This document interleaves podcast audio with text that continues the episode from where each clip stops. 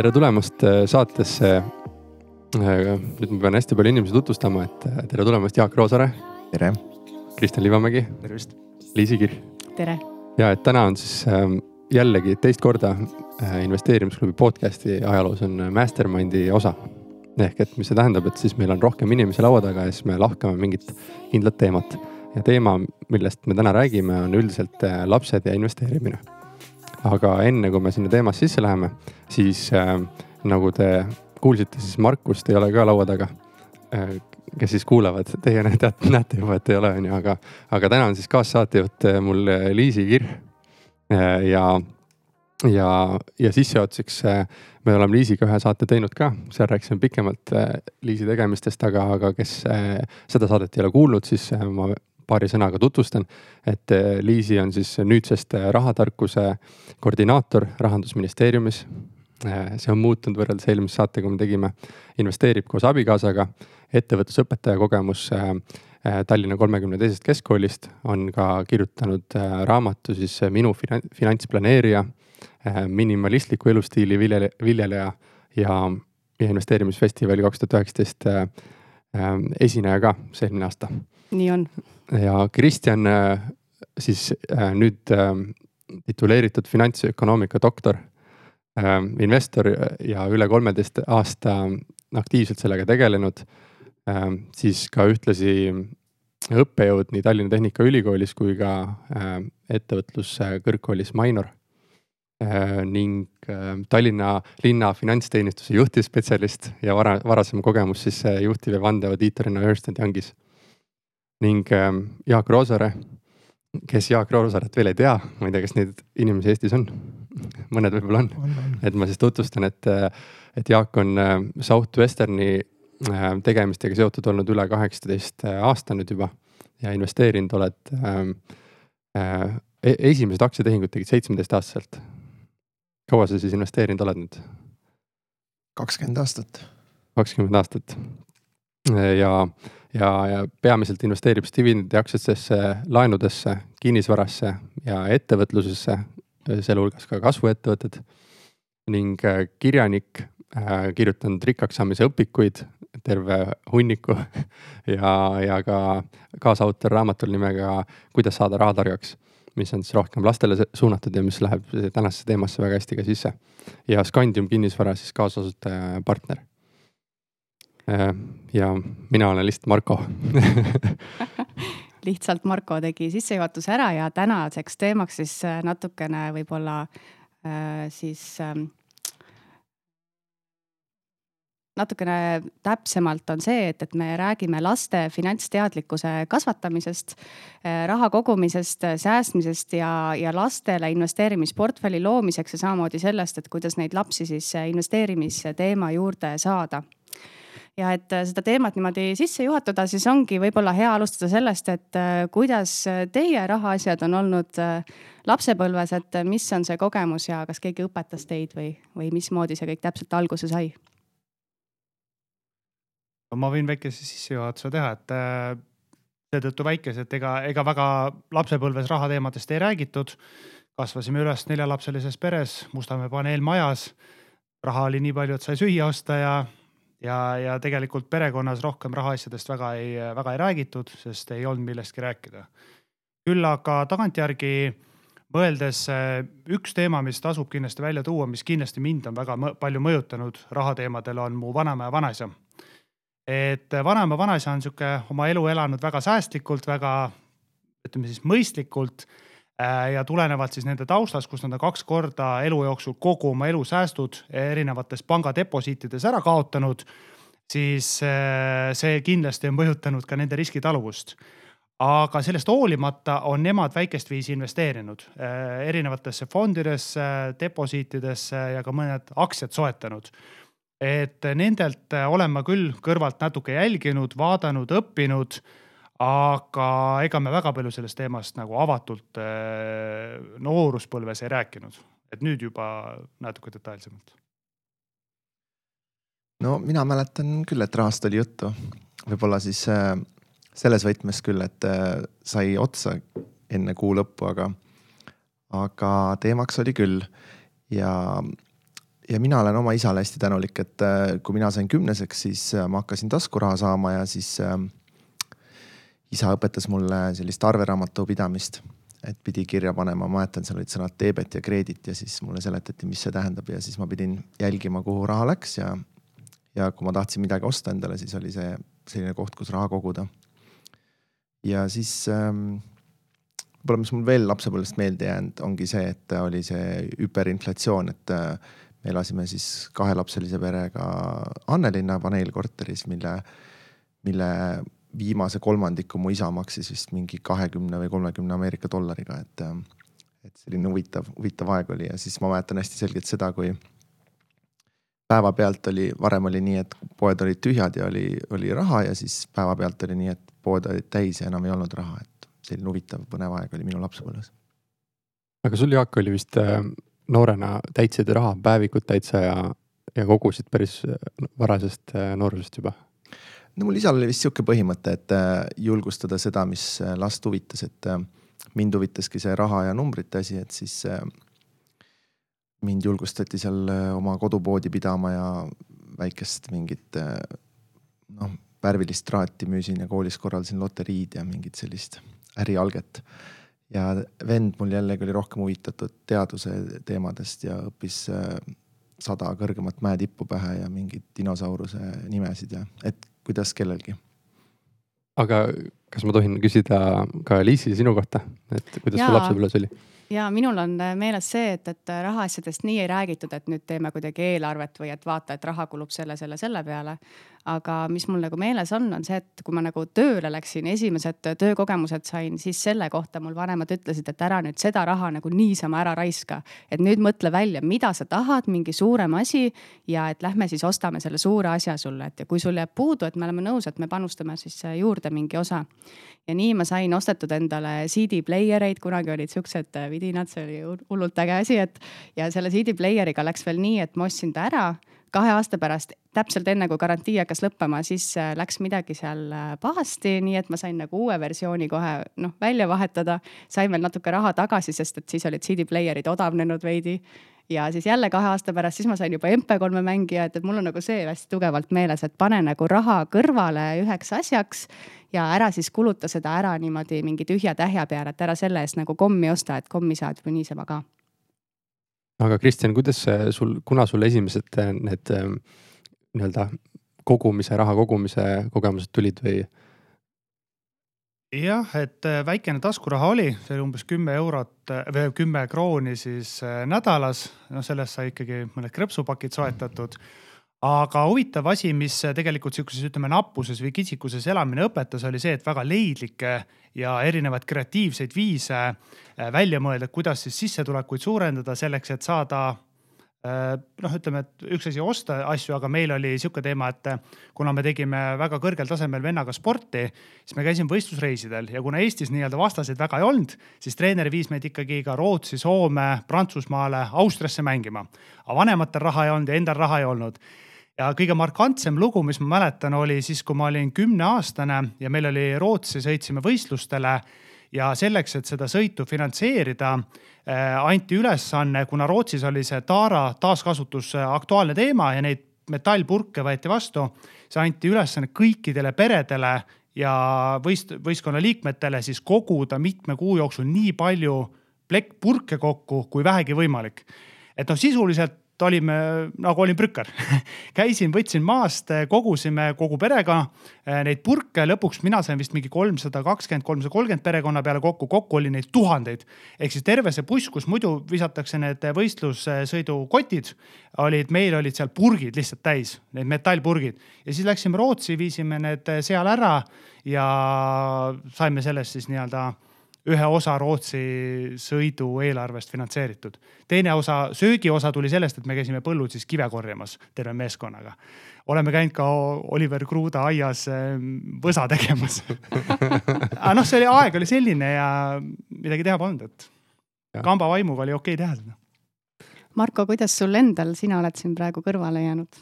et äh, mul on äh, ka raha nagu iseenesest meeldinud väiksest peale, mitte et oleks seda nüüd lapsepõlves nii palju olnud, et ma kogusin usinasti, et mul oli, kui äh, sünnipäevadel tuldi, siis anti ka noh, viis krooni või selline kümme krooni tavaliselt ja siis oli see ka, et kui õe sünnipäev oli et, et mina ei tunneks ennast kurvana, anti nagu mulle poole vähem kui õele, et, et siis iga kord, kui kummalgi sünnipäev oli, siis mõlemad nagu said mingi väikse taskuraha. no aga see oli selline asi, mida me ise siis küsisime, et, et ärge tooge muid asju, et tahaks nagu viite krooni, siis ma panin need kõik ümbrikusse ilusti ja kogusin. ja mäletan, et ma olen nagu elus sellist nagu, mis ma mäletan, kolm suuremat nagu ostu teinud oma kogutud raha eest, et eh, esimene nagu oli, ei olnud ost tegelikult, aga ma kogusin ähm, kokku, ma olin vist kuueaastane ja siis oli mul umbes viissada krooni kogunenud kokku äh, läbi siis viimase, ma ei tea, ütleme, et kolm aastat olin kogunud.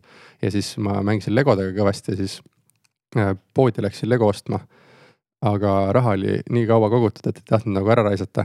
siis äh, läksin tagasi bussi peale ja sõitsime õega koju, istusime tagapingis ja siis keegi varastas mul rahakoti ära et siis esimesed viissada krooni läksid niimoodi ära. ja siis siis, siis tükk aega on vahe, vahe sellist äh, aega, millest ma ei mäleta väga palju, aga mäletan järgmine suurem ost, kui ma olin saanud järgmised kuussada krooni kokku, siis oli, ostsin endale kaheteistaastasena Nokia kolmkümmend kolm kümne telefoni, et see oli mu esimene telefon. see kestis neli aastat siis, et siis selle ma ostsin endale ise ja, ja peale seda äh, siis, kui juba sai kunagi äh, kooli kõrvalt raha teenitud, siis ma äh, käisin Soomes siis äh, neid maasika ja taimi istutamas ja siis selle raha eest äh, ostsime Türgi reisi sõpradega Äh, ja siis ma ostsin endale Tom-Tomi selle auto GPS-i. Et, et esimesed kõik rahad, mis sai kogutud, hästi pikka aega sai kogutud ja siis sai äh, midagi nagu ikka ostetud. ja, ja nüüd, nüüd on muutunud see asi selleks, et ei taha enam osta, vaid investeeriks ära aga, aga jah, see investeerimine on ikka väga-väga palju hiljem tulnud kas äh, kellelgi oli ka sellist asja, et, et vanemad näiteks kogusid mingi stardiraha või mingi stardikapitali või mingi sellise nagu peale teadmiste veel, jah? minul oli, ma just äh, peaksin nüüd see nädal, kui ma Tartu lähen, saama kätte oma pulmahoiuse, et mulle ema ja isa siis tegid, kui ma sündisin, siis niimoodi, et abiellumise ajal pidin saama tuhat rubla aga see kadus kuhugi ära, aga see paber on, paber leiti ülesse, et ma saan selle poliisi endale ära raamida ja, ja mis sealt siis tuleb nüüd, kas seal on mingi intressid peal või ongi tuhat rubla eh, eurodeks? see raha vist kadus ära kuhugi, aga see paber on alles ah,. selge. Sertif-, sertifikaadi said. Jah. Minul on jagada siin see lugu, et minu vanemad kogusid seda lastehoiust mulle ka. nii et kui ma kaheksateist sain, siis noh, mul ema tegi need hoiused mulle ja õele, kes on siis minust neli aastat noorem, tegi need nagu samal hetkel, nii et mina sain kusagil kakskümmend tuhat krooni ja mu õde sai siis omal ajal nagu kakskümmend viis tuhat krooni aga see kakskümmend tuhat krooni, ma mäletan ka, et äh, kui see nagu minu kontole laekus, siis mul ema võttis mind käe kõrvale, ütles, et vot seda ei tohi mitte mingil juhul ära kulutada, et ma olen ikka nii palju vaeva näinud nüüd sinu jaoks. et selle sa kulutad mingi suure asja peale, et see, see ei olnud nagu see, et, et noh, sa ise valid, on ju, see oli sihuke tingimus. et see peab olema kas silmaoperatsioon, mul olid prillid tollal, tollal, tollel ajal või mingi oma korter või midagi ja tegelikult nii läkski, et me tegime koos siis äh, hoiuse, siis ma mitu aastat, noh, sellel ajal intressid olid kõrged, seal viis-kuus protsenti. sellel ajal olid mul siis hoiused ja, ja ühel päeval siis, kui ma olin kakskümmend üks, et siis ma ostsin endale esimese korteri ja see oli siis see sissemaksuraha nagu hästi suures osas. Et äh, selline nagu väike selline pisku anti nagu kaasa, aga mul näiteks õde, äh, vastupidi, tema endale korterit selle eest ostnud ei ole. et tema kulutas selle reisimise peale ja nüüd tal on jälle nagu hästi äh, kõva motivatsioon, et ma tahan nüüd koguda ja nüüd ma tahan iseenda korterit osta ja sellist nagu, nüüd on see sissemaksuraha kogumise koht, et me natuke vahetasime ära, et mina kogusin, noh, kui ma kakskümmend olin, siis ma kogusin ikkagi selle jaoks, et ma saaksin reisimas käia. aga jah, temal, temal läks siis nii, et see läks reisimise alla kellelgi teisel mingeid lugusid siia juurde panna? mul, mul ei olnud, vanemad ei kogunud midagi, et siis äh, ma vist mingi hetk äh, emaga arutasime selle üle, et kas lastetoetus peaks tema taskusse minema või minu, et mina olen laps, aga et, et ma ei mäleta, mis sellest sai, et ta vist midagi iga kuus andis mulle ka, et. mul, mul, meil emal-isal põhimõtteliselt kogu raha läks ka nelja lapse üleskasvatamiseks küll aga vanaema, vanaisa olid kogu aeg seda meelt, et äh, haridus on väga oluline ja nemad äh, siis on nõus kõik oma säästud või väga olulise osa oma säästudest siis äh, nende lastelaste jaoks neil ütleme haridusteed finantseerima siis. Ja, ja seda nad on ka teinud, et selles, selles mõttes müts maha nende eest, et see on kindlasti väga palju kaasa aidanud nii mul õdedel kui see on, see on hea, hea küll, mida toetada muidugi. jaa, absoluutselt aga kui me lähme nüüd edasi, siis äh, me oleme väik, väikse sissejuhatuse teinud, et kuidas oli see teie lapsepõlv või meie kõigi lapsepõlv, et äh, kuidas siis nüüd on, et, äh, et kui vanad on, äkki me jah, võtame niisuguse ringi teeme, et, et kui vanad on nüüd kõikide lapsed ja, ja et, ähm, et millised nad siis nagu natuurilt on, et, et kas on juba näha, et, et kellelegi väga raha meeldib või, või ei ole seda veel niimoodi paista jah, kui ringis alustame, et ma siis alustan, et äh, meil hetkel on äh, üks kolmeaastane poeg, Karl Lukas.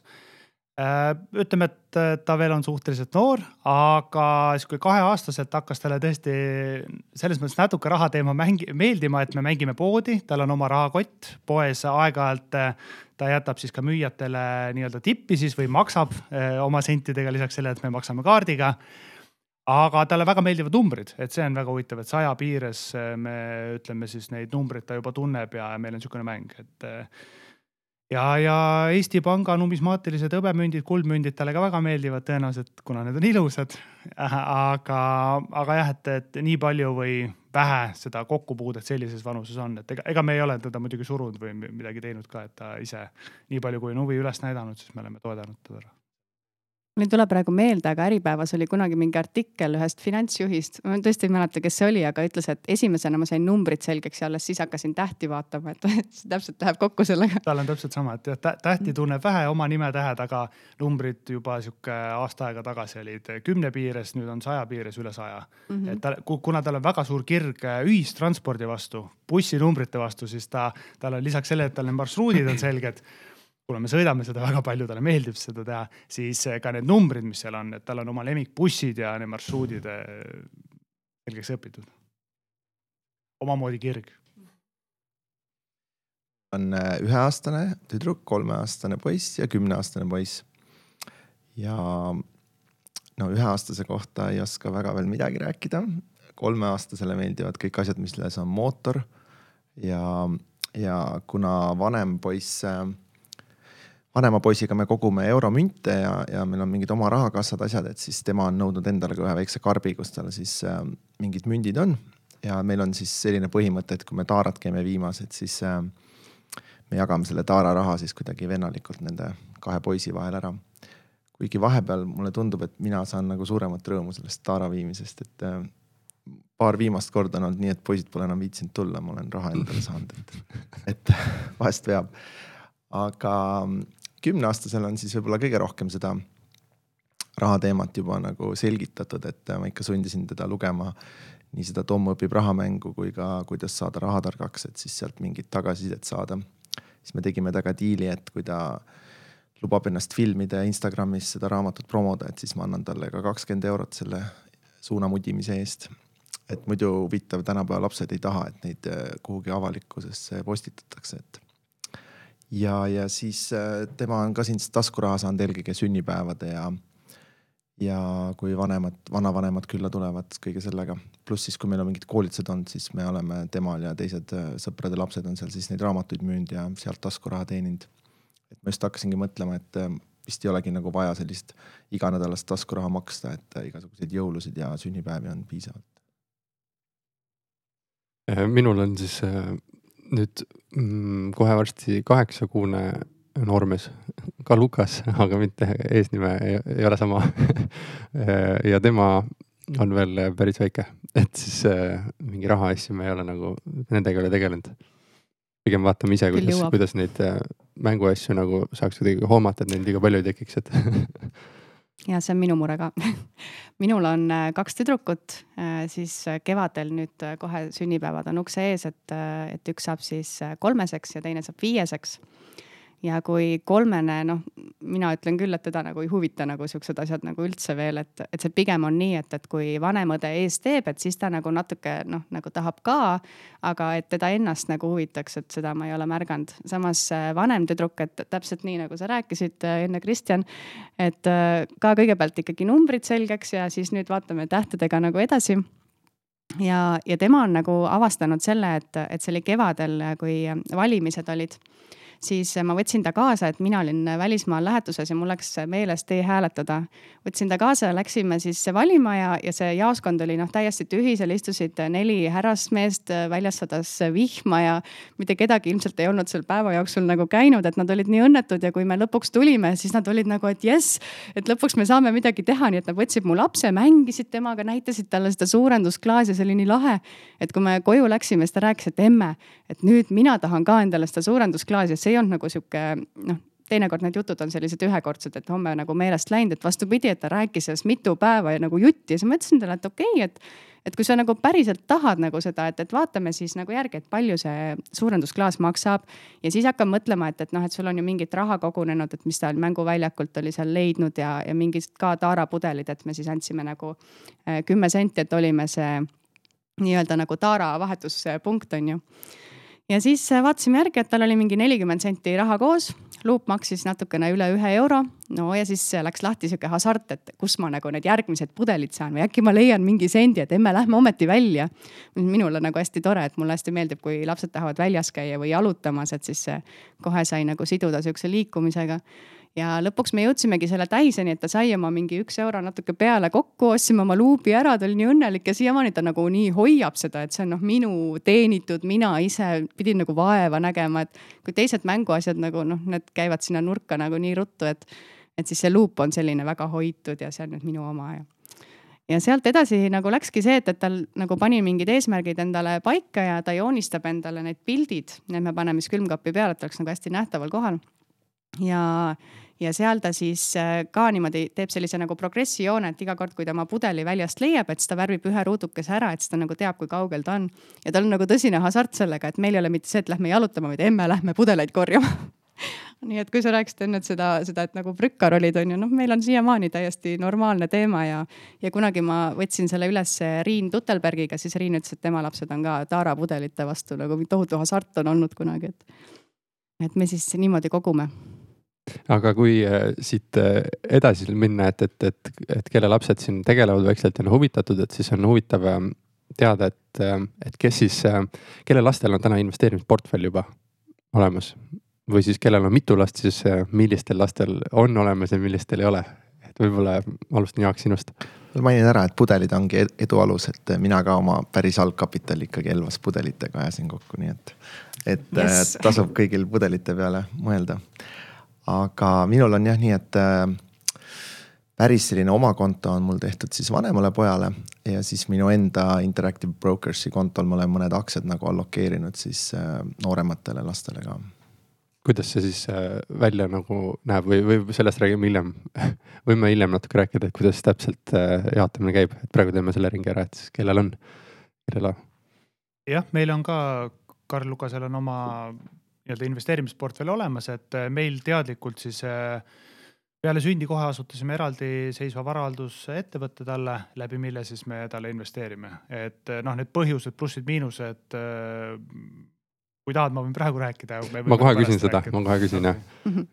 minu lastel ei ole, et ma olen ise mõelnud, et kui nad hakkavad nagu, kui nad lähevad kooli, et siis ma tahaks teha selle LHV kasvukonto, aga praegu ei ole midagi, et nad on nagu osa meie portfellist ja, ja minu poisil on siis ka see kasvukonto tehtud juba ja siis äh, kogu aeg sinna tiksub peale midagi, et, et ma ise panustan ja siis kõik kingitused, mis äh, või noh, kui kingitused tulevad, siis ma nagu olen suunanud ikka, et, et nagu neid plastmassist mänguasju võib-olla natuke vähem ja võib-olla rohkem sinna kasvukontole suunata seda raha.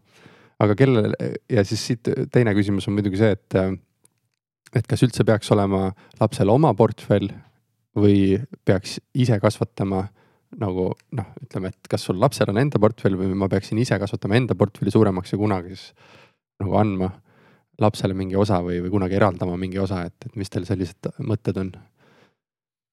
mis te ise teinud olete?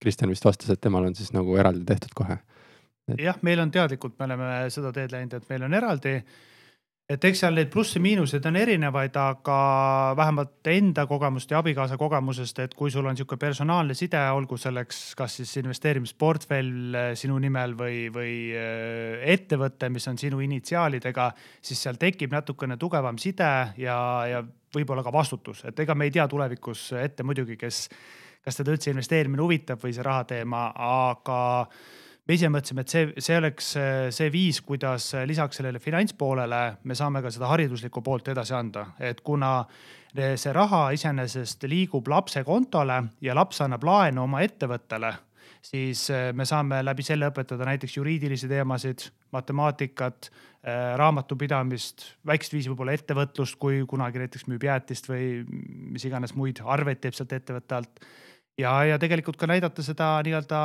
ettevõtluse bürokraatlikku poolt, et kuidas majandusaasta aruande esitamine, koostamine, et, et see ei ole lihtsalt niimoodi, et emme või issi teeb selle ära, et see, see tuleb tulevikus kunagi ise ära teha, et vastasel juhul saad kurja kirja. et jah, et, et see hariduslik pool on ka meil noh, nii-öelda perspektiiviga tulevikku kindlasti oluline nüanss. Jaak, mis sa arvad, et kas peaks endal kasvatama, et sa ütlesid ka, et sul vanemal pojal nagu on oma konto ja noorematel veel ei ole, et, et mis hetkel see shift võiks toimuda või? ei, mulle see idee meeldib tegelikult, et teha eraldi firma, et ma olen mõelnud teha eraldi ettevõtte nagu kõikide laste peale. mul isegi hea nimi oli Roosaare ja pojad. aga siis sündis tütar ja nüüd ma ei tea, et mõtlesime, et ta solvub, kui meil sihuke firma on. et siis ei ole veel teinud, aga ma mõtlesin, et siis oleks põnev, et äh, vaadata, et kas nad siis lähevad tülli või, või õpivad sõbralikult üksmeeles mingeid otsuseid tegema aga ma selle kasvukonto tegin siis, kui LHV seal neid tasusid ja asju muutis, et, ähm, et mulle meeldib, et seal pole neid igakuiseid haldustasusid. ja, ja, ja siis ähm, kuna mul endal nagu ühel OÜ-l juba on see leikood, et siis hakata jälle ühele uuele ettevõttele seda taotlema tundus nagu liigne, liigne kulu või bürokraatia. aga selle kasvukontoga me siis üritasime nii teha, et ähm, sinna võtsime Euroopa indeksi ja USA indeksi ja siis käisime just paar päeva tagasi läbi neid ettevõtteid, mis seal indeksis on, et äh, kuussada ettevõtet seal Euroopa indeksis, et siis ikka igalt lehelt midagi leidsime, mida me tundsime, et selles mõttes oli täitsa põnev, et me elame ise Sakus ja Saku õlletehase aktsiat enam omada ei saa, aga Carlsberg on seal nimekirjas, kellele kuulub Saku, nii et. kas see on siis vanema poja portfell või see on kuidas...? see on tema kasvukonto jah, et ma teistele pole veel jõudnud teha, et ma mingi hetk plaaniks neile ka teha. seda vist saab teha juba päris noorelt, ma saan aru, kui, kui sinu lapsel on see juba olemas ja,. jah, jah, et sama, sama, samal ajal, kui sa teed arvelduskonto, siis saab nagu muid kontosid ja kõike juurde teha, et see ei olnud probleem, aga Liisi, kuidas sul? mina olen mõelnud seda, et et kui nagu kasvatada mingit sellist nagu eraldi portfelli, et, et siis võib-olla tõesti, et oleks nagu üks selline, ma ei tea, kas siis äh, ettevõte või mingi üks selline portfell, et juba, juba sellepärast, et siis on nagu mingi mastaabiefekt ka, et noh, ma ei, ma ei tea, kuidas te nagu täpselt olete jaotanud, et mis raha see sinna konto peale läheb, aga et noh, kui ma näiteks võt, võtan selle kuuskümmend eurot, see lasteraha, et kui ma selle panen nagu ühe ühele kontole ja teise teisele kontole, et noh, siis nagu kuidagi tobe, et hakata ostma mingit ma ei tea, viite LHV aktsiat nagu ühele ja viite teisele. et juba, juba selles mõttes, aga, aga mulle endale meeldib nagu see, see kasvukonto mõte nagu ka lastele. samas praegu nagu noh, ma ei tea, äkki te räägitegi, et, et mis, mis rahasid te nagu kannate sinna kasvukontole või ettevõttesse, et no me, sa selles mõttes ühe miinuspoole tõid välja, mis selle ettevõtte puhul on tõesti väikeste summade liigutamine aga jah, et, et meie oleme, kanname sinna kontole ikkagi sünnipäevarahasid, mis me ise paneme või mis perekond paneb, samamoodi lapsetoetusi, sünnitoetus, mis riik andis, mis kohalik omavalitsus andis. Ja noh, tänaseks tegelikult koos investeeritud või reinvesteeritud nii-öelda tuluga, seal on portfell on pea kaheksa tuhat kolmsada eurot juba et äh, ma olen nõus, et neid äh, viitekümmet või kuutekümmet eurot igakuiselt on keeruline liigutada, küll aga näiteks äh, kui sa konstrueeridki selle portfelli erinevate varaklasside lõikes, noh näiteks seda viitekümmet, kuutekümmet eurot sa võid ka Mintosesse panna mm -hmm. ja seal tegelikult ei kaasne sellega suuri administratiivseid või siis ka tehingutasusid.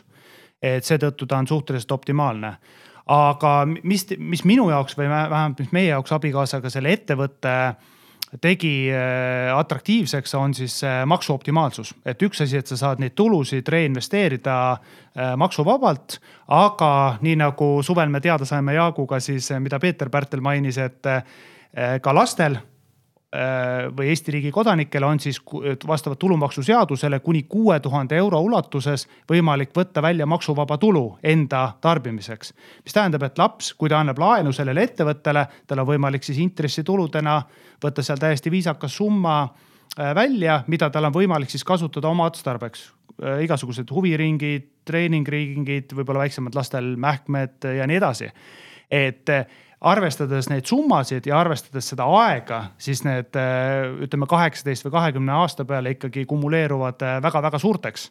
pluss teine nüanss on see, et sa saad lapsele õpetada läbi selle viisiga tegelikult, mida tähendab maksude maksmine, kuidas see toimib, mis on erinevad nüansid ja kui tal sealt huvi tekib edasi, siis ta saab alati uurida aga mis te nagu sellest näiteks arvate, et, et kui me anname nagu laps, lapsele mingisuguse rahahunniku piltlikult öeldes nagu kätte, et siis ta ei saa nagu võib-olla nii hästi aru sellest väärtusest, et kui ma tulen tagasi oma lapse näite juurde, kes selle luubi jaoks nagu raha kogus, et siis noh, tema nagu teab oma seda luubi väärtust, ta teab, et see kümme pudelit, mis ta pidi selle jaoks nagu leidma, et, et see on nagu oluline tema jaoks.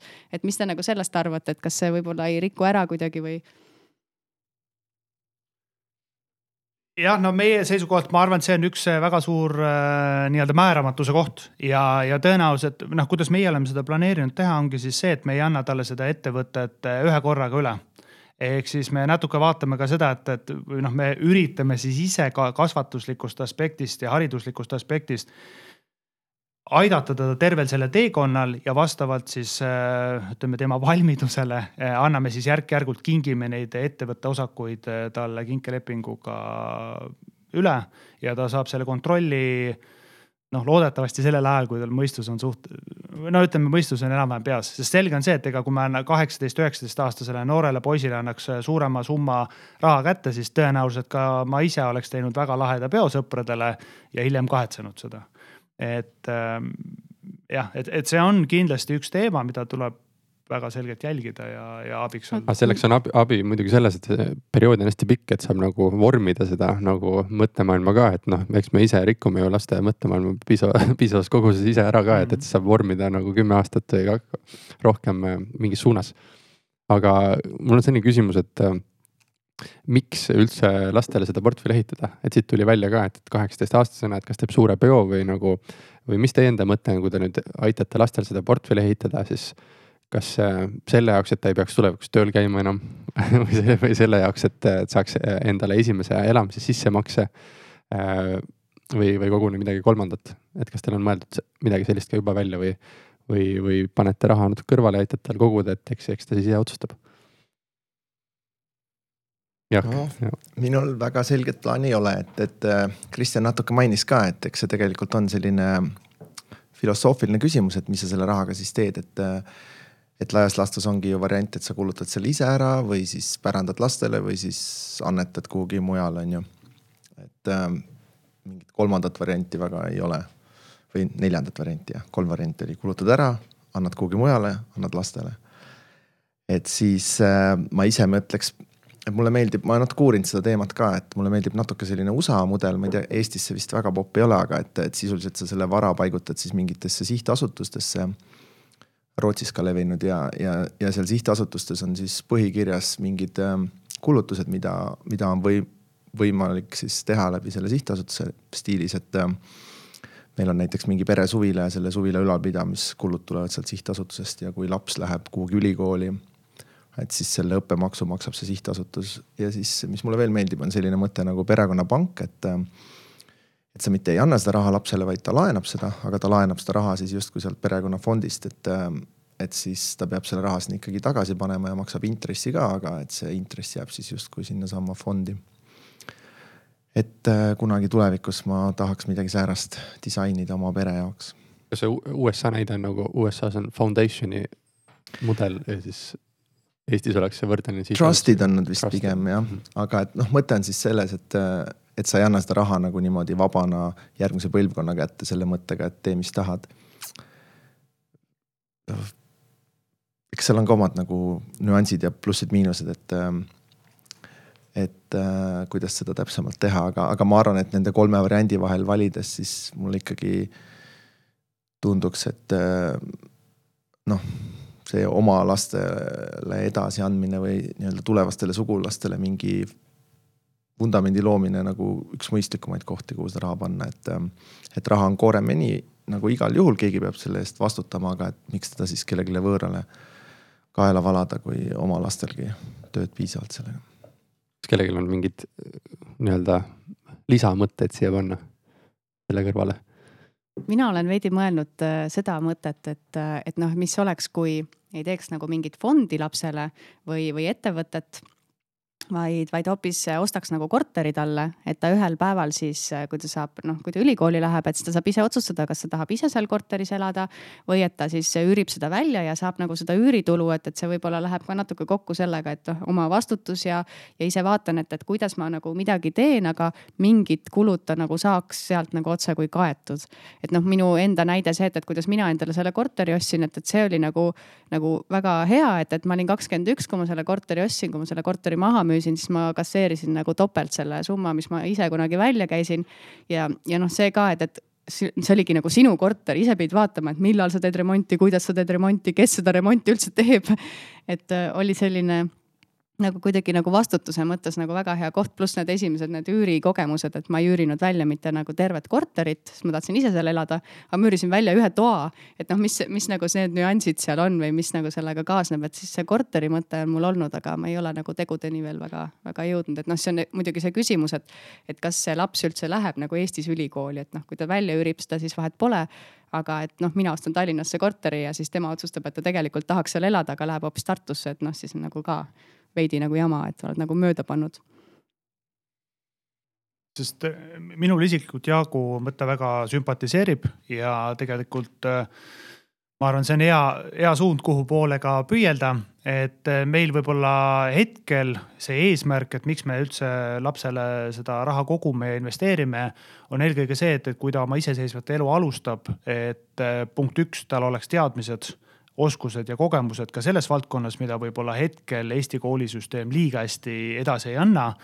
aga punkt kaks, et tal on võimalus vabalt eh, valida, et ta ei ole kapitalipiirangutest eh, sõltuv, näiteks kui ta tahab minna Saksamaal ülikooli õppima, ma ei tea, rongiinseneriks, siis eh, tal on see võimalus olemas ja me ei pea talle ütlema, et ei, see ei ole võimalik. ei, me ei saa seda teha et äh, võib-olla eel, hetkel eelkõige see eesmärk äh, raha kogumisel ongi just nimelt tema tuleviku haridusse ja, ja teadmiste panustamine jah, et see vastuargumentidest ma olen nagu paari kuulnud, et üks on see, et, et, et kui võtta ette uuringud, kus on pärandatud siis lastele raha, siis äh, mingi suurem osa lapsi on, on selle perekonna ülesehitatud jõukuse nagu ära raiskanud. et see on nagu üks mingi müüt või, või levinud siis uuringutest ma ei ole nagu liiga süvitsi sinna sisse läinud. ja, ja võib-olla Peeter Pärtel käis ka läbi, siis tema on öelnud vist äh, välja ka äh, kuskil otse-eetris, et, äh, et tema nagu raha kindlasti lapsele ei anna, aga annab edasi teadmised maksundusest, teadmised ettevõtlusest ja, ja, ja, ja raamatupidamisest. vist mingi kolm, kolm sellist valdkonda, et, et jah, et on erinevaid argumente, aga, aga ma arvan, et, et võtaks siit edasi, just läheks sinna, et tahaks arutada raha kogumisest, et kus, kust seda raha laps peaks siis saama. natuke need pudeli näited käisid ka läbi, aga, aga, aga mis te arvate, kust, kust see raha tuleb? minu, minu pojal on siiamaani ikkagi see, et, et ma ise noh, olen mõelnud, mis see taskuraha on. et, et meil on, ma olen pannud äh, viis eurot siis äh, nädalas on, on minu nagu taskuraha praegu siis, äh, mis ma annan talle ja siis äh, äh, elukaaslane annab ka viis eurot talle. ja siis, kui mingi sünnipäevad või mingid noh, esimese kaheteist kuu jooksul on iga, iga kuu sünnipäev et siis, et siis on sealt ka mingit raha tulnud ja, ja et põhimõtteliselt siis taskurahast nagu see raha koguneb et muidugi ta ise tööd veel ei tee ja ja kõik muud asjad, aga, aga, aga mõtlen, et see on selline mõte, mis võiks tulevikus ka edasi jätkuda, et, et, et ma ei tea, kuidas me struktureerime seda portfelli, aga võib-olla ongi nii, et see taskuraha läheb kuhugile kontole siis. ja siis tema ise otsustab, kui palju ta sellest siis investeerib kunagi ja kui palju ta võtab kommi ostmiseks. tundub, et Lukas on üks kõige nooremaid taskuraha saajaid Eestis äh, ma ei tea, aga teil ei saa taskuraha, Kristjan? meie taskuraha ei anna, aga mm -hmm. kõik äh, nii-öelda riigipoolsed toetused, mis siis mm -hmm. kaasnevad nii-öelda lapse sünniga, et siis me oleme öelnud, et see kuulub talle ja tema, läbi tema konto siis liigub sellele varaldus, tema varaldusettevõttele et äh, aga me oleme ka võib-olla teadlikult siis teinud natukene sihukest hariduslikku tööd perekonnaringis, vanem nii-öelda tema vanavanemad siis ja vana-vanavanemad kes siis eh, võib-olla ei too nii palju neid eh, plastmass mänguasju, mida juba on piisavalt palju kogunenud, vaid pigem eh, siis panustavad ka tema nii-öelda tulevikku läbi, läbi selle väikese toetuse tema varaldusettevõttesse kas meie..., kas selles on halba midagi, et ma taskuraha annan? ei, ei ole üldse see tegelikult sõltub hästi palju, et kuidas sa ise nagu nimetad seda asja, et sina nimetad nagu taskurahaks, aga noh, sama hästi sa võiksid selle lapse toetuse ju sinna kasvukontole kanda, et noh. ma arvan, et see asi on nagu nimetustes kinni mina olen ka mõelnud, et noh, mul lapsed on nagu kaks ja neli, et mis taskuraha, et taskuraha on ikkagi selline, et, et ta peab ise nagu numbritest aru saama, et kui ta läheb nagu ühe eurosega või noh, viie eurosega näiteks läheb poodi ja siis saab nagu hunniku münte tagasi, et tal ei oleks nagu siis tunnet, et aa emme, vaata nüüd mul on palju rohkem raha, et noh, nagu kogu sellises mõttes.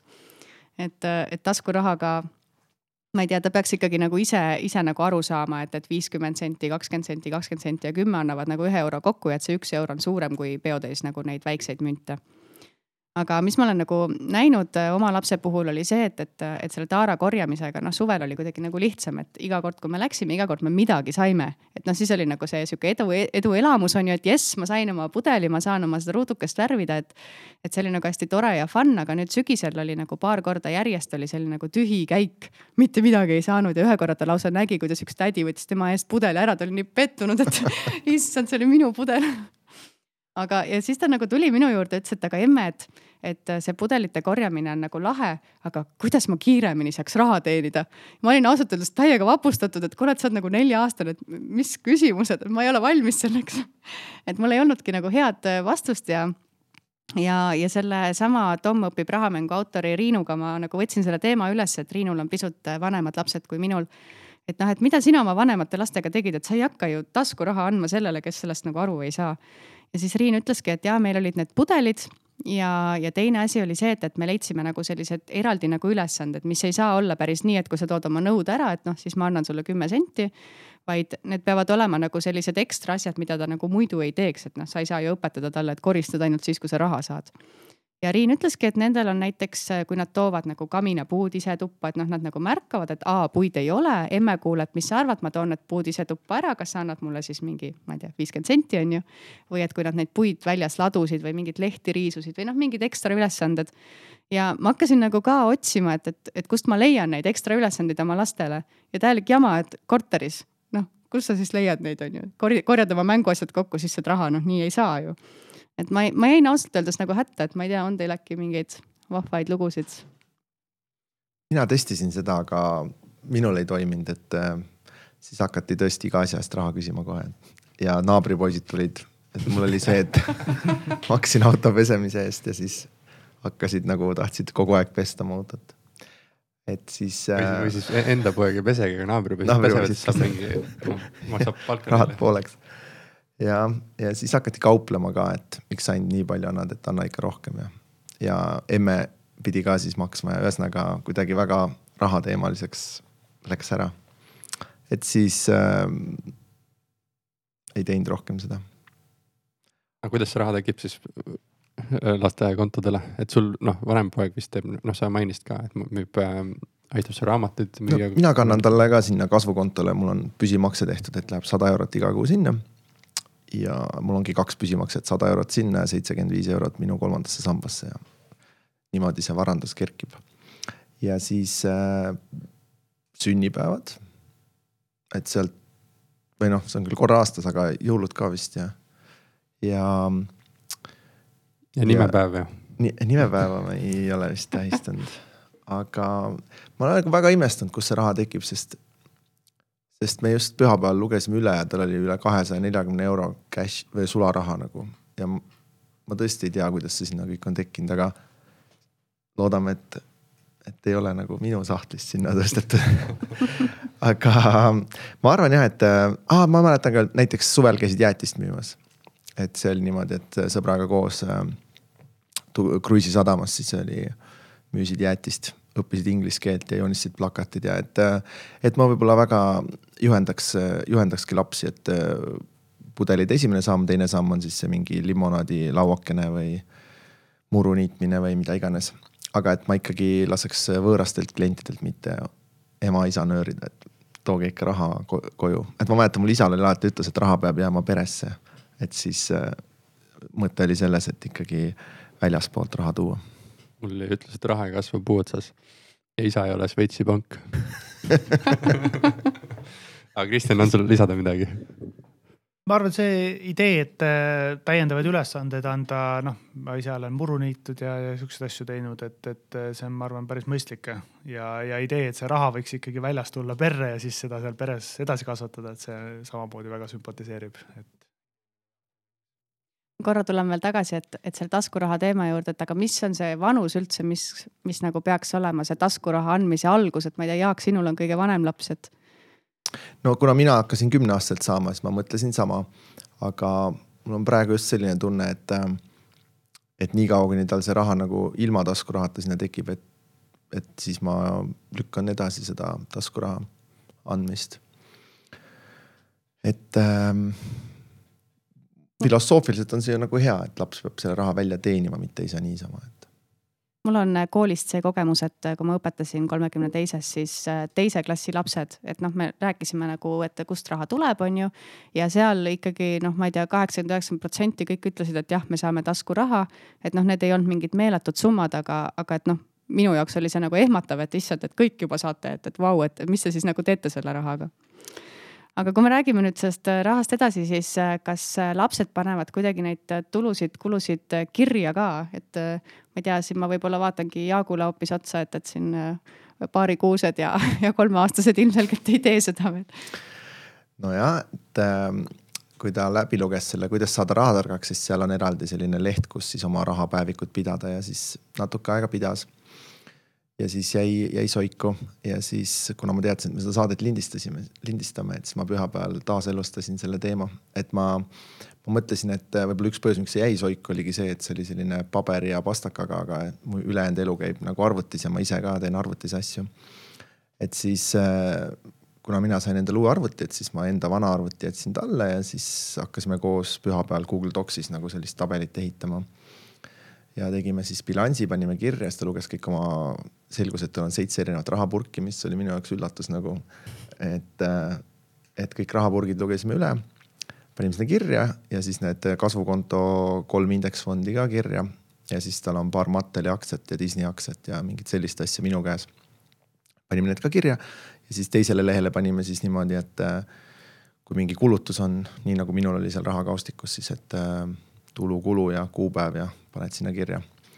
ja siis äh, päev hiljem ta siis jooksis minu juurde, et kuule, ma pidin äh,, käisime kuskil jõululaadal ja pidin ühe euro maksma seal äh, pileti eest, et paneme selle kirja, nii et pöidlad pihus, loodame, et siis jätkub. väga põnev.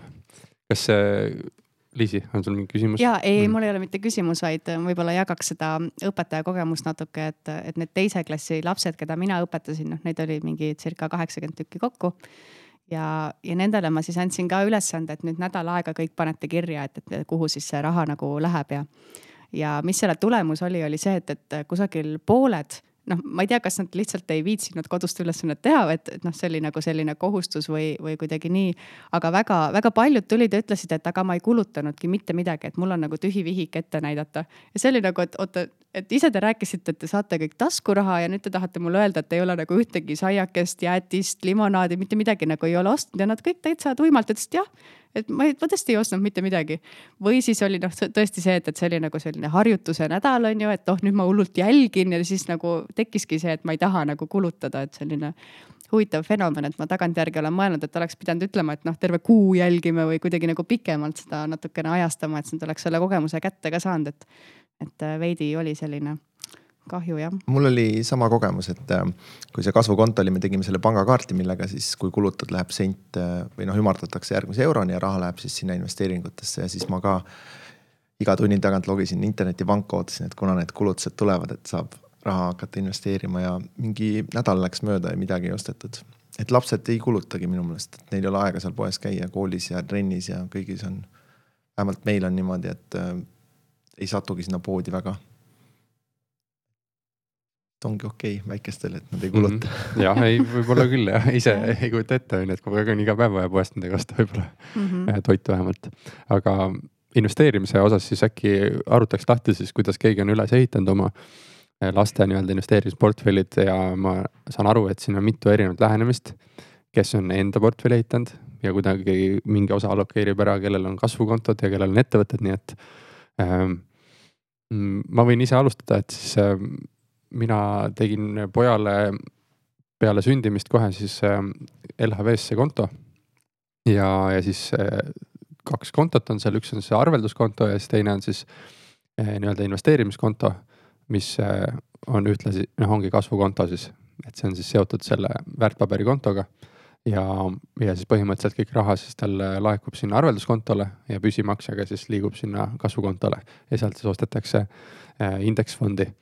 Et, äh, et me oleme võtnud klassikaliselt, äh, mis kasvukontol saada on, siis seal on, ma ei mäleta, kas see on SX R8 või SR X8 või igastahes viissada suuremat USA ettevõtet, et ainult üks selline, üks fond seal praegu ongi.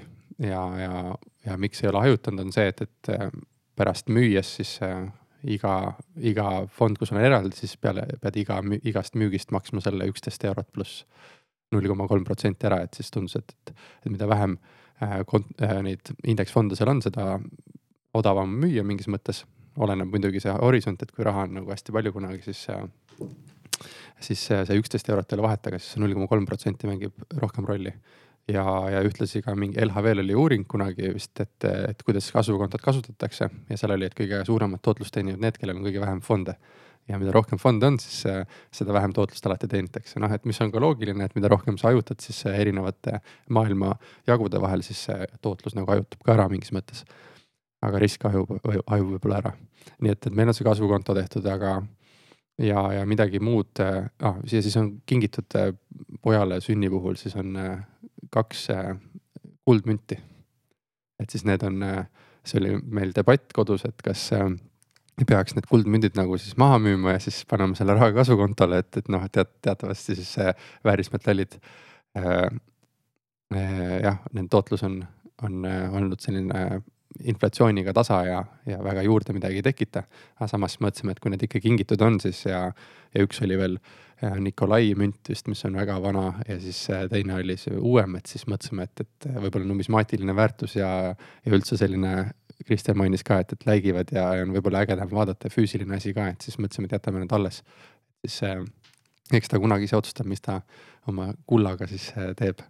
et siis äh, jah, ma ei teagi ja siis ise kanname sinna siis oma nii-öelda seda taskuraha või panustame sinna äh, kasvukontole ja siis äh, mingid kingitused, mis tulevad, siis lähevad ka sinna konto peale. ja sealt, aga, aga üks küsimus, mis pärast on teile ka, et on see, et, et sain teada, et LHV-s ei võigi nagu vist äh, keegi teine ei võigi sinu poja kontole kanda raha, et siis sa pead nagu laskma endale kanda ja siis pead ise kandma pojale, et ainult vanemad võivad kanda.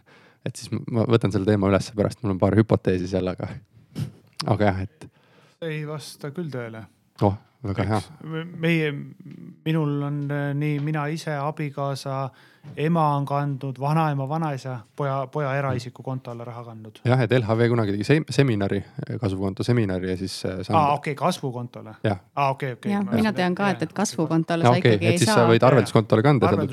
noh, siis on selge, et siis on, jah, keegi on... ehmatas ära, et öeldi, et või, ma ütlesin, et et ma ikka kannan, et siis, kui kunagi on vaja tõestada, siis tulgu mulle ütlema, et mul ema ei või kanda mu pojale kontole raha, on ju, et. aga jah, me oleme arvelduskonto läbi teinud õnneks. selle rahandusministeerium üleüldises mõttes plaanib muidu võtta ka arutluse alla, et äkki peaks selle nagu ära muutma, et lihtsalt taustainfoks. aga miks siis ei või muidu, kui ma selle, kui see teema üleval praegu on, et miks otsekasukontole siis ei või? hea küsimus, kunagi sai otsustatud nii, et, et ainult vanemal on õigus siis äh, oma lapse eest selliseid tehinguid teha ja kuna noh alguses, kui, kui siis Eesti Vabariik nagu uuesti tuli, et, et noh, siis sellel hetkel ju ei olnud mingeid investeerimisvõimalusi ja siis seotigi see nagu otse, otse vanematega ainult ära, et keegi teine ei tohi, ma ei tea osta sinu lapse nimele mingeid Tallinna Vee aktsiaid või midagi sellist. aga mis siis saab, kui keegi siis kannab kasukontole raha, mis nad siis teevad? pesu ilmselt. hakkad tõestama pärast ja. kust see raha tuli? noh, selge, igatahes kui keegi on nii teinud, siis ma arvan, et on võimalik ära tõestada väga hästi, aga, aga siis on see küsimus lahendatud, igastahes selline on jah, meil see ülesehitus praegu maru lihtne, mulle muidugi tundub huvitav see Kristjani nagu ettevõtte kogu loogikaga jah, siis oli see hea küsimus leikoodi kohta, et siis nagu need kõik asjad, et ma ei teagi, kuidas pidi läheme. Äkki Liisi võta sa siis järgmisena, et kuidas? minu lastel ei ole nagu sellist äh, portfelli kui sellist, et pigem nagu me olemegi mõelnud, et, et meie laste nii-öelda hüpoteetiline portfell on siis meie portfelli osa. ja kuna me oleme selle asja üldse lahendanud nii, et me investeerime siis abikaasaga koos, peamiselt siis nagu ühisettevõtte alt. noh, siis on nagu jube lihtne, et võib-olla ühel päeval ongi mõistlik kinkida neile siis äh, üks väike osa sellest ettevõttest, et nemad on siis ka nii-öelda osa siis äh, sellest meie portfellist. Aga noh, teisest küljest ma ei teagi, selle ettevõttega samas on praegu igasugust muud pahna ka seotud, mis ei lähe nagu üldse, üldse nagu teemasse, et noh, näiteks minu raamatu müük, et, et see ei ole nagu kuidagi laste või, või investeerimisportfelliga seotud, et see lihtsalt on, on kergem nagu sedakaudu teha.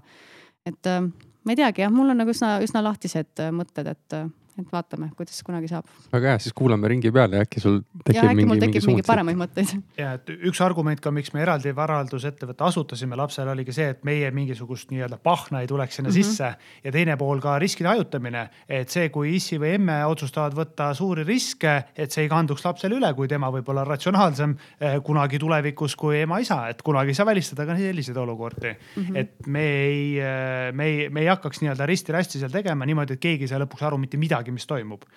ja teine hea asi sellel eraldi varahaldusettevõttel on see, et seadusest tulenevalt on kohustus iga aasta koostada majandusaasta aruanne. ehk siis ka Karl Lukasel, ta on pidanud kolm aastat, noh küll MES-i on selle siiamaani ära teinud eh,, oma tulud ja kulud kasumiaruandes välja tooma varahaldusettevõttel ja bilansi, varad ja kohustused nii et eh, noh, mõnes mõttes see ka distsiplineerib sihukest eh, ütleme siis pilti saama sellest ettevõtte käekäigust ja, ja võib-olla tulevikus lahti mõtestama seda teemat. sihukest eelarve koostamist juba alguses. nojah mm -hmm., ette, ettevõtte poole pealt aga jah, et, et meie oleme teinud siis läbi selle varahaldusettevõtte, nii nagu eelnevalt sai ka räägitud, noh, need maksuoptimaalsuse küsimused on seal administratiivsed teemad, et meie hinnangul ikkagi, kui see summa, mis perspektiiv on üle paari tuhande euro talle koguda, siis tegelikult varaldusettevõte muutub sealt juba kasumlikumaks puhtalt ka nii-öelda finantsmatemaatiliselt tänu, tänu, tänu sellele maksusoodustustele ja, ja erinevatele võimas, võimalustele, mis seal on. kas see, on see lihtne nagu välja tuua, et mis see paari tuhande eurost need maksusoodustuse variandid siis on? noh, põhimõtteliselt võib, võib, võib küsida niimoodi, et ettevõtte asutamine maksab sada üheksakümmend eurot, et kui sul perspektiiv on teenida eh, noh, nii-öelda suuremat tulu Eh, mida sul on võimalik, mille maksustamist on sul võimalik edasi lükata, noh siis, siis tasub tegelikult juba ettevõte teha. Noh, teine nüanss on ka see, et, et kui ette, kui sealt ettevõttest läbi laenu, mida ta siis annab sellele ettevõttele, on võimalik ka seda raha välja võtta ja kuni kuue tuhande euro ulatuses aastas on see maksuvaba, siis no igaüks saab ise arvutada, mis see intress seal on ja, ja kust summast alates nagu muutub see ka finantsiliselt mõistlikuks. et, et see on see üks nüanss aga võib-olla noh, ütleme olulisem, millest ka Marko rääkis, et kuhu siis investeerida, et meie hetkel oleme varaklassidena võtnud siis aktsiad laenud. Et kuna portfell on lihtsalt nii väike, siis kinnisvarasse ei ole investeerinud, ei ole ka läbi kinnisvarafondide, teadlikult aktsiad ja laenud.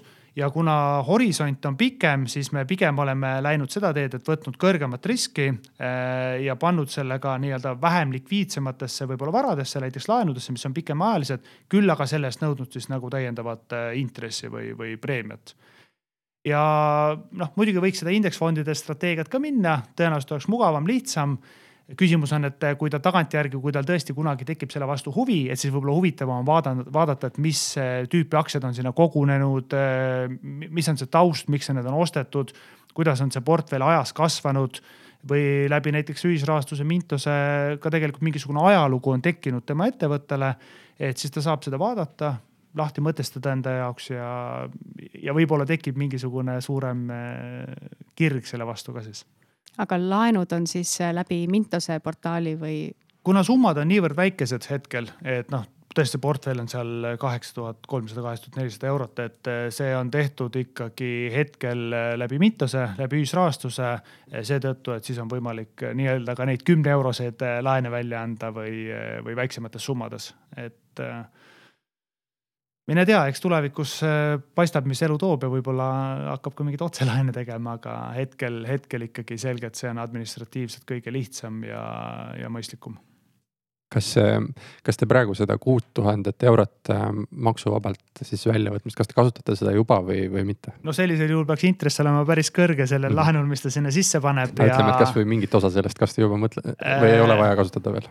hetkel ei, ma selles mõttes ütlen ausalt välja, et ähm, me arutasime seda teemat väga detailselt peale seda, kui suvel investeerimisfestivalil see teema tõstatati. suhtlesin sellel teemal ka oma sõpradega, kes üks töötab maksuametis ja teine tegeleb üle kümne aasta tegelenud maksundusega. Nemad olid natukene võib-olla seal kahetisel seisukohal selle teema osas ja seetõttu me otsustasime, et sellel aastal me ei tee seda et me vaatame ära, kui äh, lähiringkonna, sõprusringkonnast investorid teevad ära, esitavad need tuludeklaratsioonid ära, maksuamet äh, sisuliselt, kui ta need aktsepteerib, siis ta annab nagu kinnituse, et see on okei okay.. ja, ja kui see toimib, siis järgmisest aastast.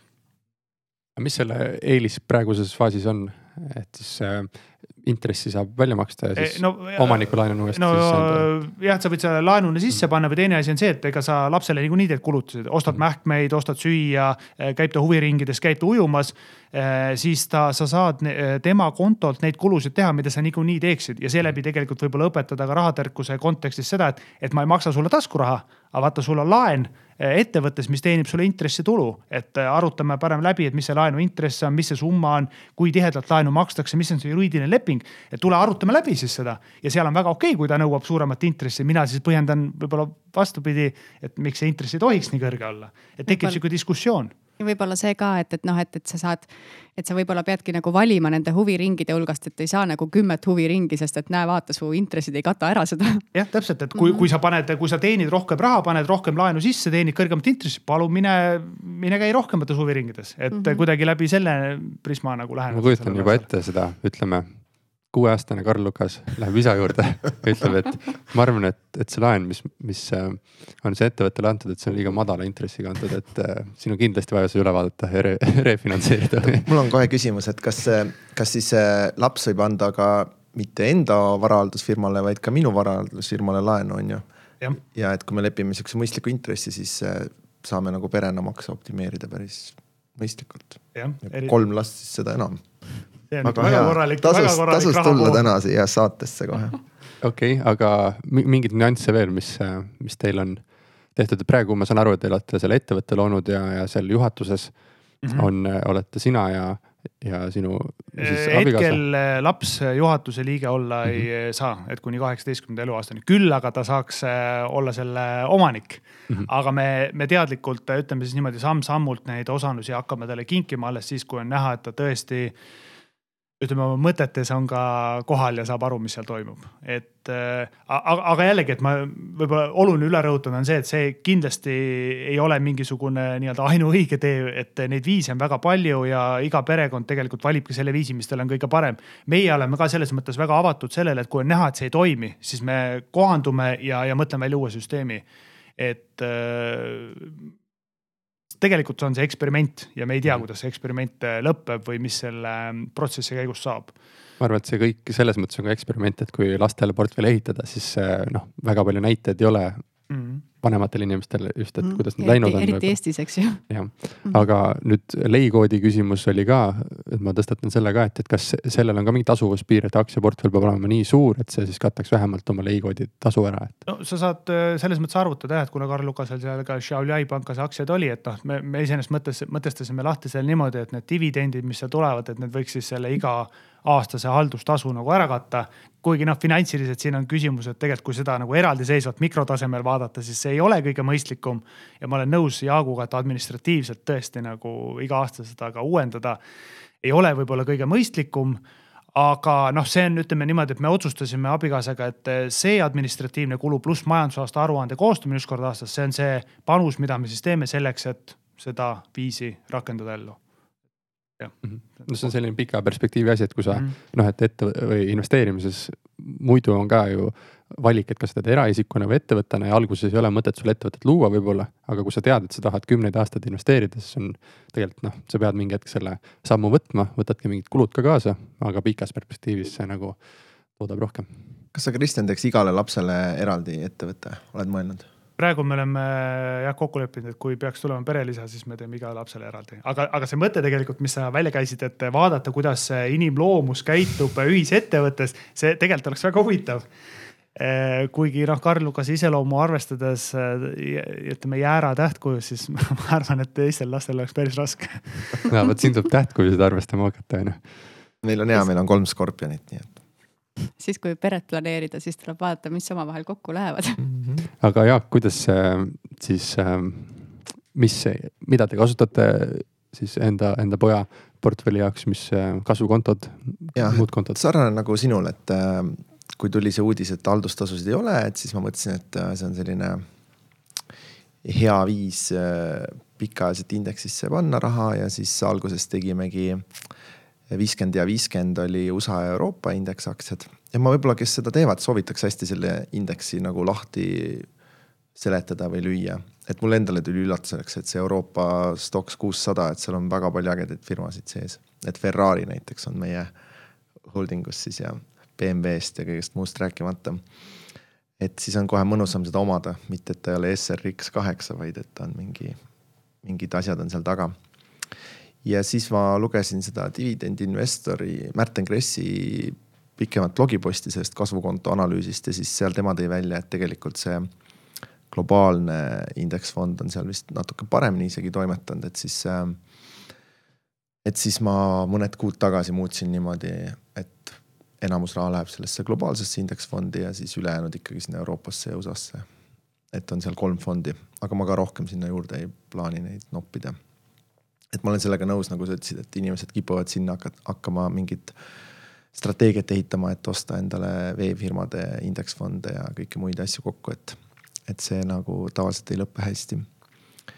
Ja, ja päris alguses siis oli see mõte, et lihtsalt enda Interactive Brokers'i kontole ostsime nagu selliseid noh, laste aktsiaid, Mattel ja mis on miinus viiskümmend protsenti kukkunud ja Hasbro ja, ja Disney ja siis äh, Hugo oli siis veel beebi, et siis Hugole ostsime Kimberly Clarki aktsiaid, kes siis neid Hugise mähkmeid teeb, mis talle sobisid hästi.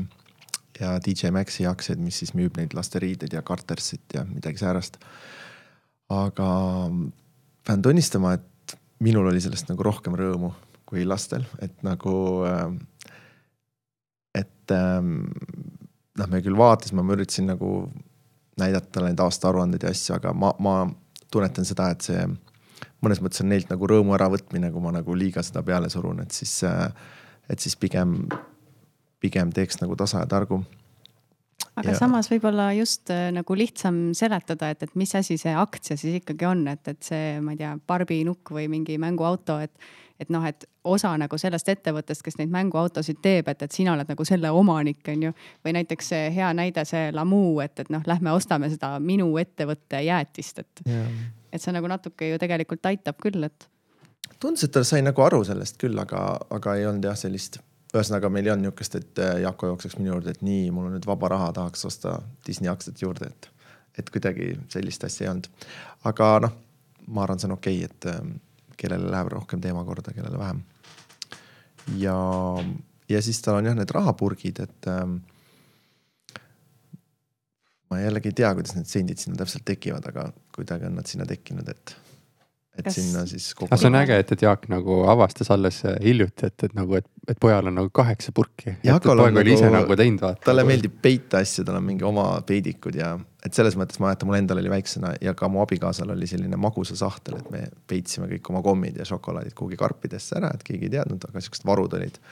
ja siis mina arvasin, et see on ainult minul, aga tuli välja, et mu abikaasal oli ka väiksena ja mõlemal tulid Vaaro sipelgad sinna sisse lõpuks, nii et sama kogemus.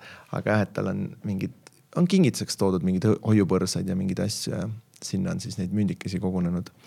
aga võib-olla mul kõige parem meel ongi see, et nii nagu mina kunagi oma emale laenu andsin, et nüüd äh, Jako on ka nelikümmend eurot emale välja laenanud, et siis laenuäri õitseb meil.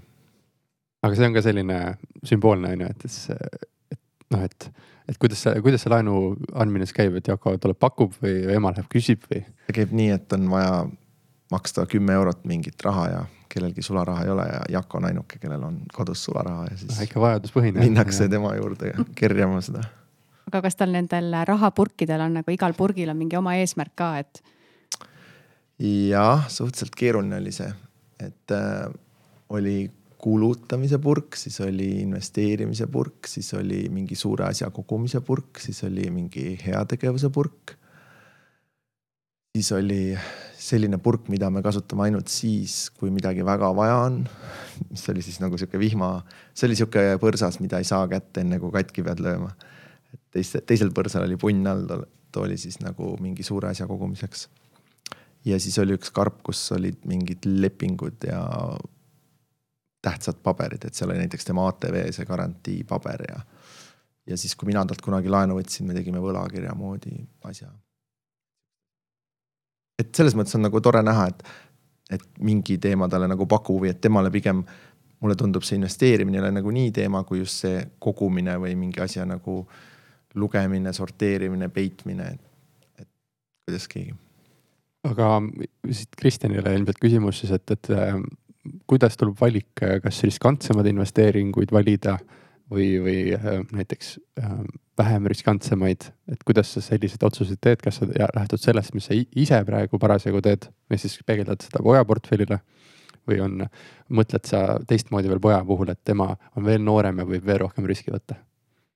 jah, et selle, need otsused ühiselt siis abikaasaga, et mm. ega abikaasa peab kinnituse andma aga pigem oleme lähtunud ju sellest mõttest, et äh, nii-öelda suurem risk pikas perspektiivis peaks ka suuremat tulu tooma ja kuna aega meil äh, on ja, ja pojal veel rohkem, siis äh, me oleme pigem võtnud hetkel riskantsemaid aktsiaid, et me ei ole läinud nii-öelda sihukest klassikalist indeksfondide hajutatud strateegiat, vaid pigem valinud kui näiteks mingisuguseid üksikaktsiaid või, või võtnud sinna laene läbi ühisrahastuse, et noh, näiteks Xiaoyai pankas on tal portfellis, et ta selgelt riskantsem kui, kui mingit indeksfondide strateegiat võtta. et me eelmises saates siin äh, äh, rääkisime mõjuinvesteeringutest ja, ja tõenäoliselt noh, et meie lapsed elavad selles maailmas, mida meie ise täna ehitame siin ka. et äh, kas teil on äh, mingid mõtted sellised eetilise investeerimise osas või moraalse investeerimise osas versus tootluse tegemise osas või et kas laps peaks millessegi muusse investeerima näiteks tema tulevikku arvestades?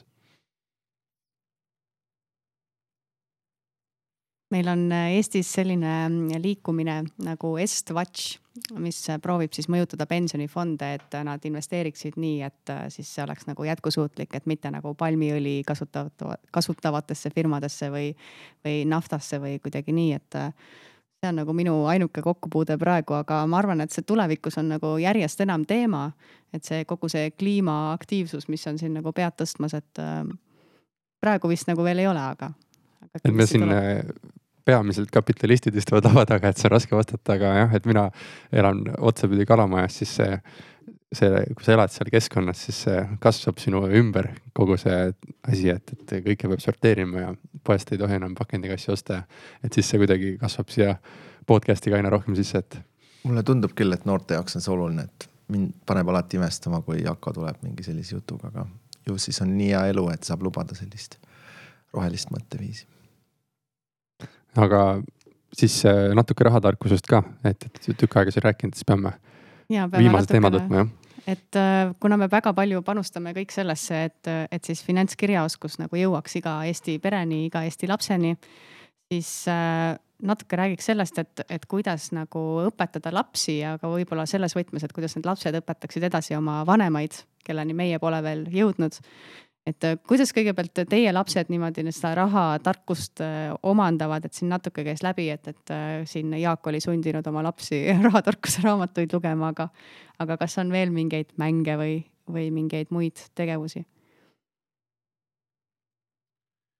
noh, kolmeaastasele vist on natuke keeruline veel raamatut kätte anda, et, et kui ta veel tähtigi päris hästi ei tunne, aga noh, ütleme, et äh, väikest viisi seda rahatarkuse teemat, äh, noh, see on küll väga kaudselt, aga, aga läbi siis äh, numbrite õpetamise, matemaatika, poe mängimisega poes, tema poolt sentide maksmisega.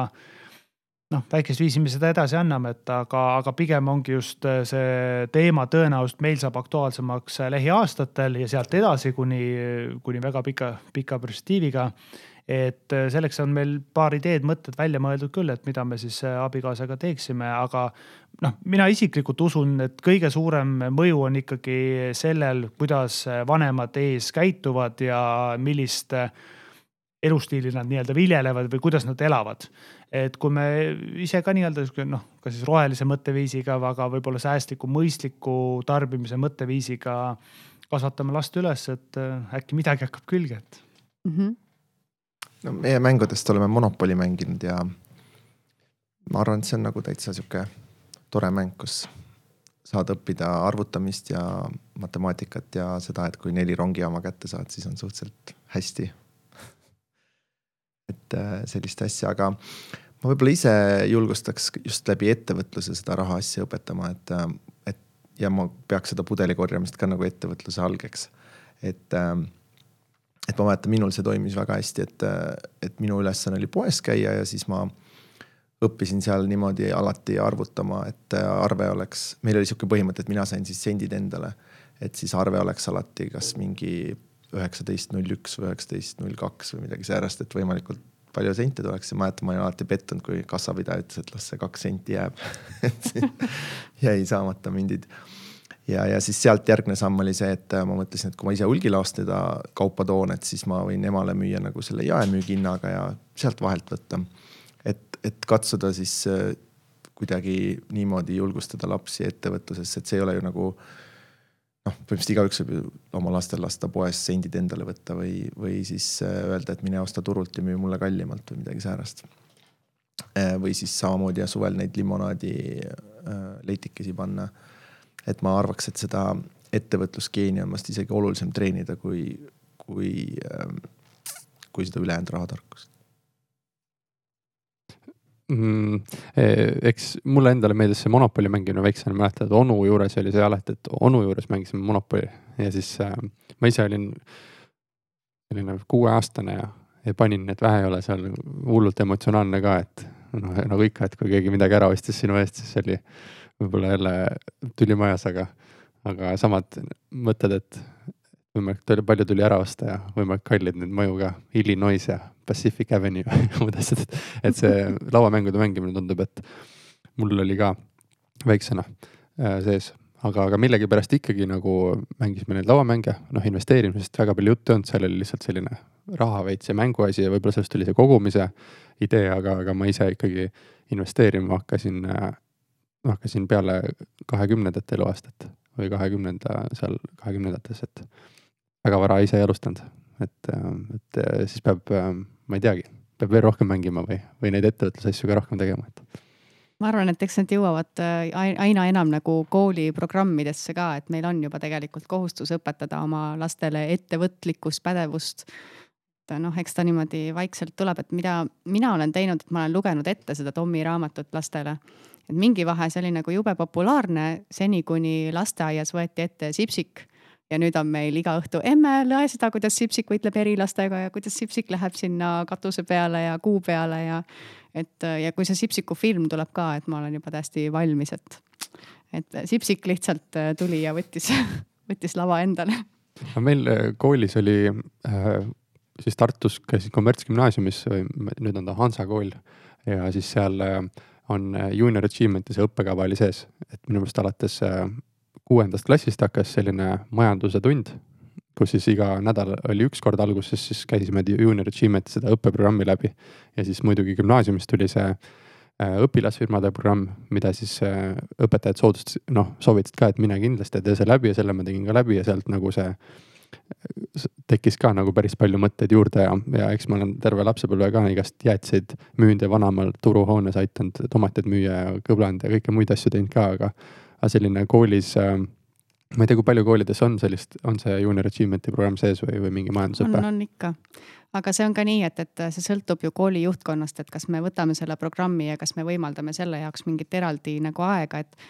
et mida mina nagu rahatarkuse koordinaatorina väga näen ja väga soovin, oleks see, et, et meil oleks nagu esimesest klassist saadik igas aines see rahatarkus nagu käiks niimoodi läbi, et see ei peagi olema eraldi aine. aga ta võib olla, et, et eesti keeles on mingi tekst, kus on sees, ma ei tea, laen ja intress ja pank, et siis kõik nagu noh, saavad aru, et mi, mis asi see pank selline on, et kasvõi sihuke mõistepõhine juba aga selline tore mäng, mis mulle veel meelde tuli, et kui sa siin rääkisid oma kooliajast, siis äh, mul abikaasa Äh, nendel oli siis nagu maal vanema juures oli sihuke suur kartulipõld ja, ja oli alati kokkulepe, et kui ta korjab need kartulimardikad ära, siis iga selle mardika eest saab mingi sendi, et noh. siis ta proovis alati endale jäätist äh, välja teenida, et siis meil oli ka see mõte, et, et nüüd sellel suvel ilmselt on noh, viieaastast on juba hea panna sinna mardikaid korjama, et. et siis saab endale ka natukene niimoodi raha teenida aga kui rääkida rahatarkuse tundidest, siis ma usun, et kõik meist on käinud äh, koolis rahatarkuse tundi andmas, et äh, kuidas teil mulje on praegu need äh, Eesti noored, noored ja võib-olla isegi need lapsed, et, et mis see tase on, et kas see nagu teema huvitab neid, kui palju nad ise teavad, kust nad neid teadmisi saanud on? kuidas teie kogemus on? jah, mul võib-olla siis detailsem kogemus või parem kogemus ongi Rocca al Mare kooliga, kus me eraisiku rahanduse ainet anname koos Tõnd Alpsepaga ja seekord esimest aastat siis oli ka see investeerimise pool seal sees ja minule väga üllatuslikult äh, paljud juba investeerivad ja hakkasid ka selle kursuse raames siis investeerima. et äh, näiteks Merko ja Nordeconi aktsiate võrdlus äh, suhtarvude baasil ja sellelt, selle tulemusena siis mingi järelduse tegemine, et kumb on atraktiivsem neile investorina osutus väga lihtsaks kodutööks neile, et ma ise võib-olla isegi natukene skeptilisem olin selles suhtes.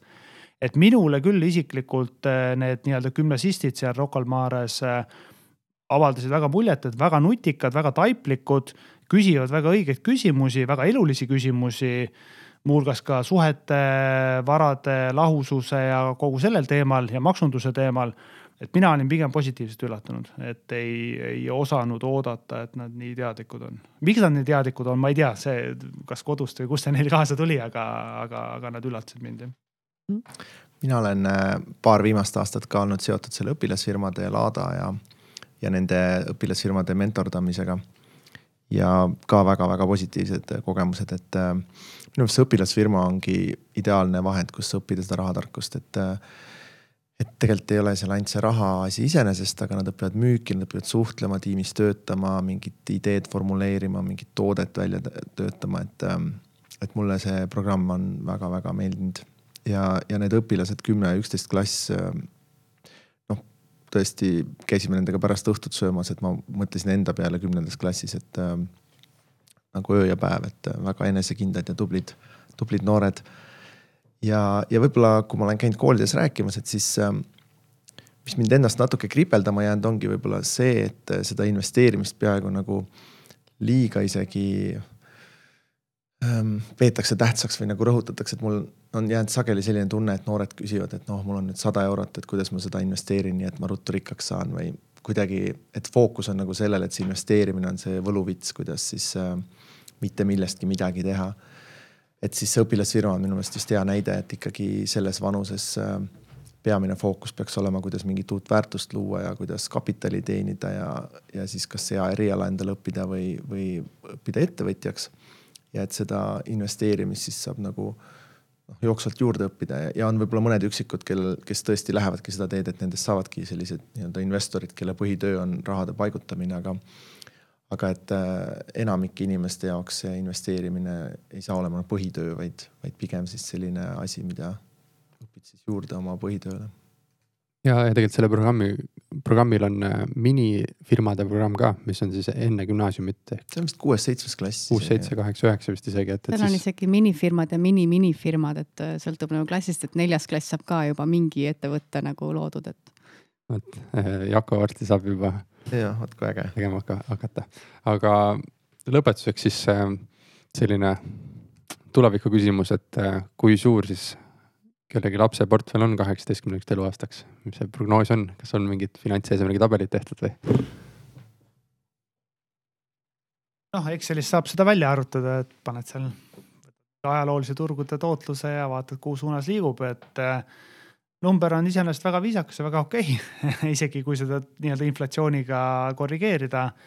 aga ma ütlen, meie, meie jaoks võib-olla abikaasaga pigem see fookus on ikkagi sellel hariduslikul aspektil, et läbi kogu selle protsessi anda talle neid teadmisi, kogemusi ettevõtlusest, maksundusest, raamatupidamisest, et. et kui me selle eesmärgi täidame, siis ma ütlen, meie jaoks see, mis number seal on, et võib-olla isegi kahju õpetaks rohkem, et mine tea nii et äh, pigem, pigem me oleme teadlikult suunanud kogu selle nii-öelda suure osa fookusest just sellele hariduslikule eesmärgile, et, et see, kui sealt finantspoolt ka tuleb, et see on super, aga, aga, aga me sellele numbrile ei keskenduks jah, ma, ma olen nõus, et ei ole isegi, ma ei ole isegi välja arvutanud ka ja, ja see ei olegi nagu nii tähtis, ma arvan, et, et see harjumused on tähtsad, et mida sa iga päev teed ja, ja mõtled ja. ja kuna raha on meie elust nii suur osa, siis äh, tuleb natuke osata sellest ka aru saada, et kellelgi veel, kellelgi on number ette pandud, ei ole? ei ole numbrit ees, aga ma olen ka mõelnud, et, et võib-olla mingit sellist, et noh, kui ta tahab välismaale minna õppima, et, et siis seda nagu võimaldada oma portfellist, et see ei ole nagu probleem või siis see korteri mõte, et noh, eks, eks näis, et kindlasti siit samast saatest võib-olla jääb selline paar head mõtet, et mida jõulude ajal niimoodi abikaasaga jälle üles võtta, et kuule, räägime nüüd lastest jah, aga siitkohalt me oleme pikalt siin rääkinud ka, et äh, tõmbame otsa kokku.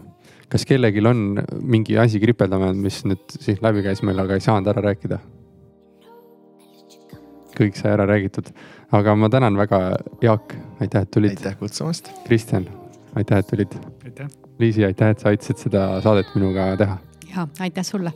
nii et äh, kõigile siis, äh, kellel küsimusi on, võite kirjutada, ma arvan, et kirjutage siis nende ai, Jaagul tõstis. mul tuli, mul tuli üks mõte, et ma soovitan kõigil vähemalt kolm last saada.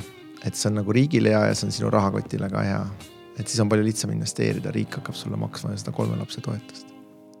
jah, et siit. Eesti, Eesti lasterikkaks eh, pluss veel igast eh, ema palgad ja muud. Pluss maksuvabad saad iga aasta kaheksateist tuhat välja võtta. laste jaoks. kolm korda kuus tuhat siis vot siit tuli. see on, see, see on ikka korralik rahamasin juba siit saate lõppu tulid sellised mõtted, et me peame hakkama siin ise edasi arutama, et mis see kõige ökonoomsem on. nii et igastahes suured tänud ja küsimused pange nende saadete alla ja ma siis proovin niimoodi talitada, et kui mingi küsimus tuleb, suunan kellelegi, siis palun teil vastata nendele. ja, ja sellega. jah, aga suur tänu ja, ja tšau